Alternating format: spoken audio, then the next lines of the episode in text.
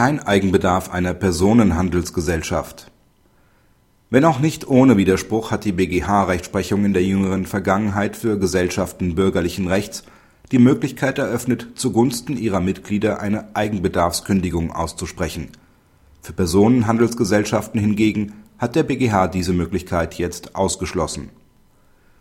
Die klagende GmbH & Co. KG kündigt ein Wohnraummietverhältnis, weil die Wohnung für ihre beiden Kommanditisten, die auch Gesellschafter der Komplementär GmbH sind, benötigt wird.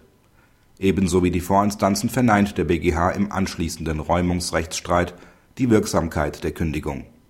Einer GmbH & Co. KG kann ein Eigenbedarf zugunsten ihrer Gesellschafter nicht zugerechnet werden. Eine solche durchgreifende Betrachtung ist zwar bei der GbR zulässig, dies ist aber darauf zurückzuführen, dass diese zum einen personalistisch strukturiert ist und es zum anderen vielfach von Zufällen abhängt, dass die beteiligten Personen nicht eine Grundstücksgemeinschaft bilden. Auf die Personenhandelsgesellschaften kann diese Rechtsprechung nicht übertragen werden.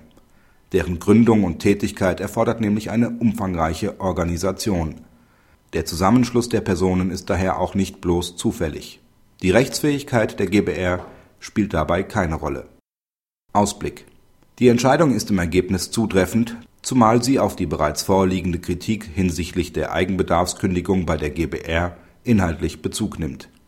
Die weitere Begründung des Senats hinsichtlich der Bedeutung von Zufällen, in welcher Rechtsform ein Grundstück zum Eigentum gehalten wird, überzeugt jedoch weiterhin nicht. Niemand schließt einen Vertrag für eine GbR zufällig ab. Überzeugender wäre es gewesen, wenn der BgH nur auf die personalistische Ausrichtung der Gesellschaften zurückgekommen wäre.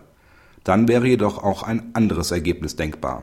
Denn auch Personenhandelsgesellschaften oder die GmbH können personalistisch ausgerichtet sein.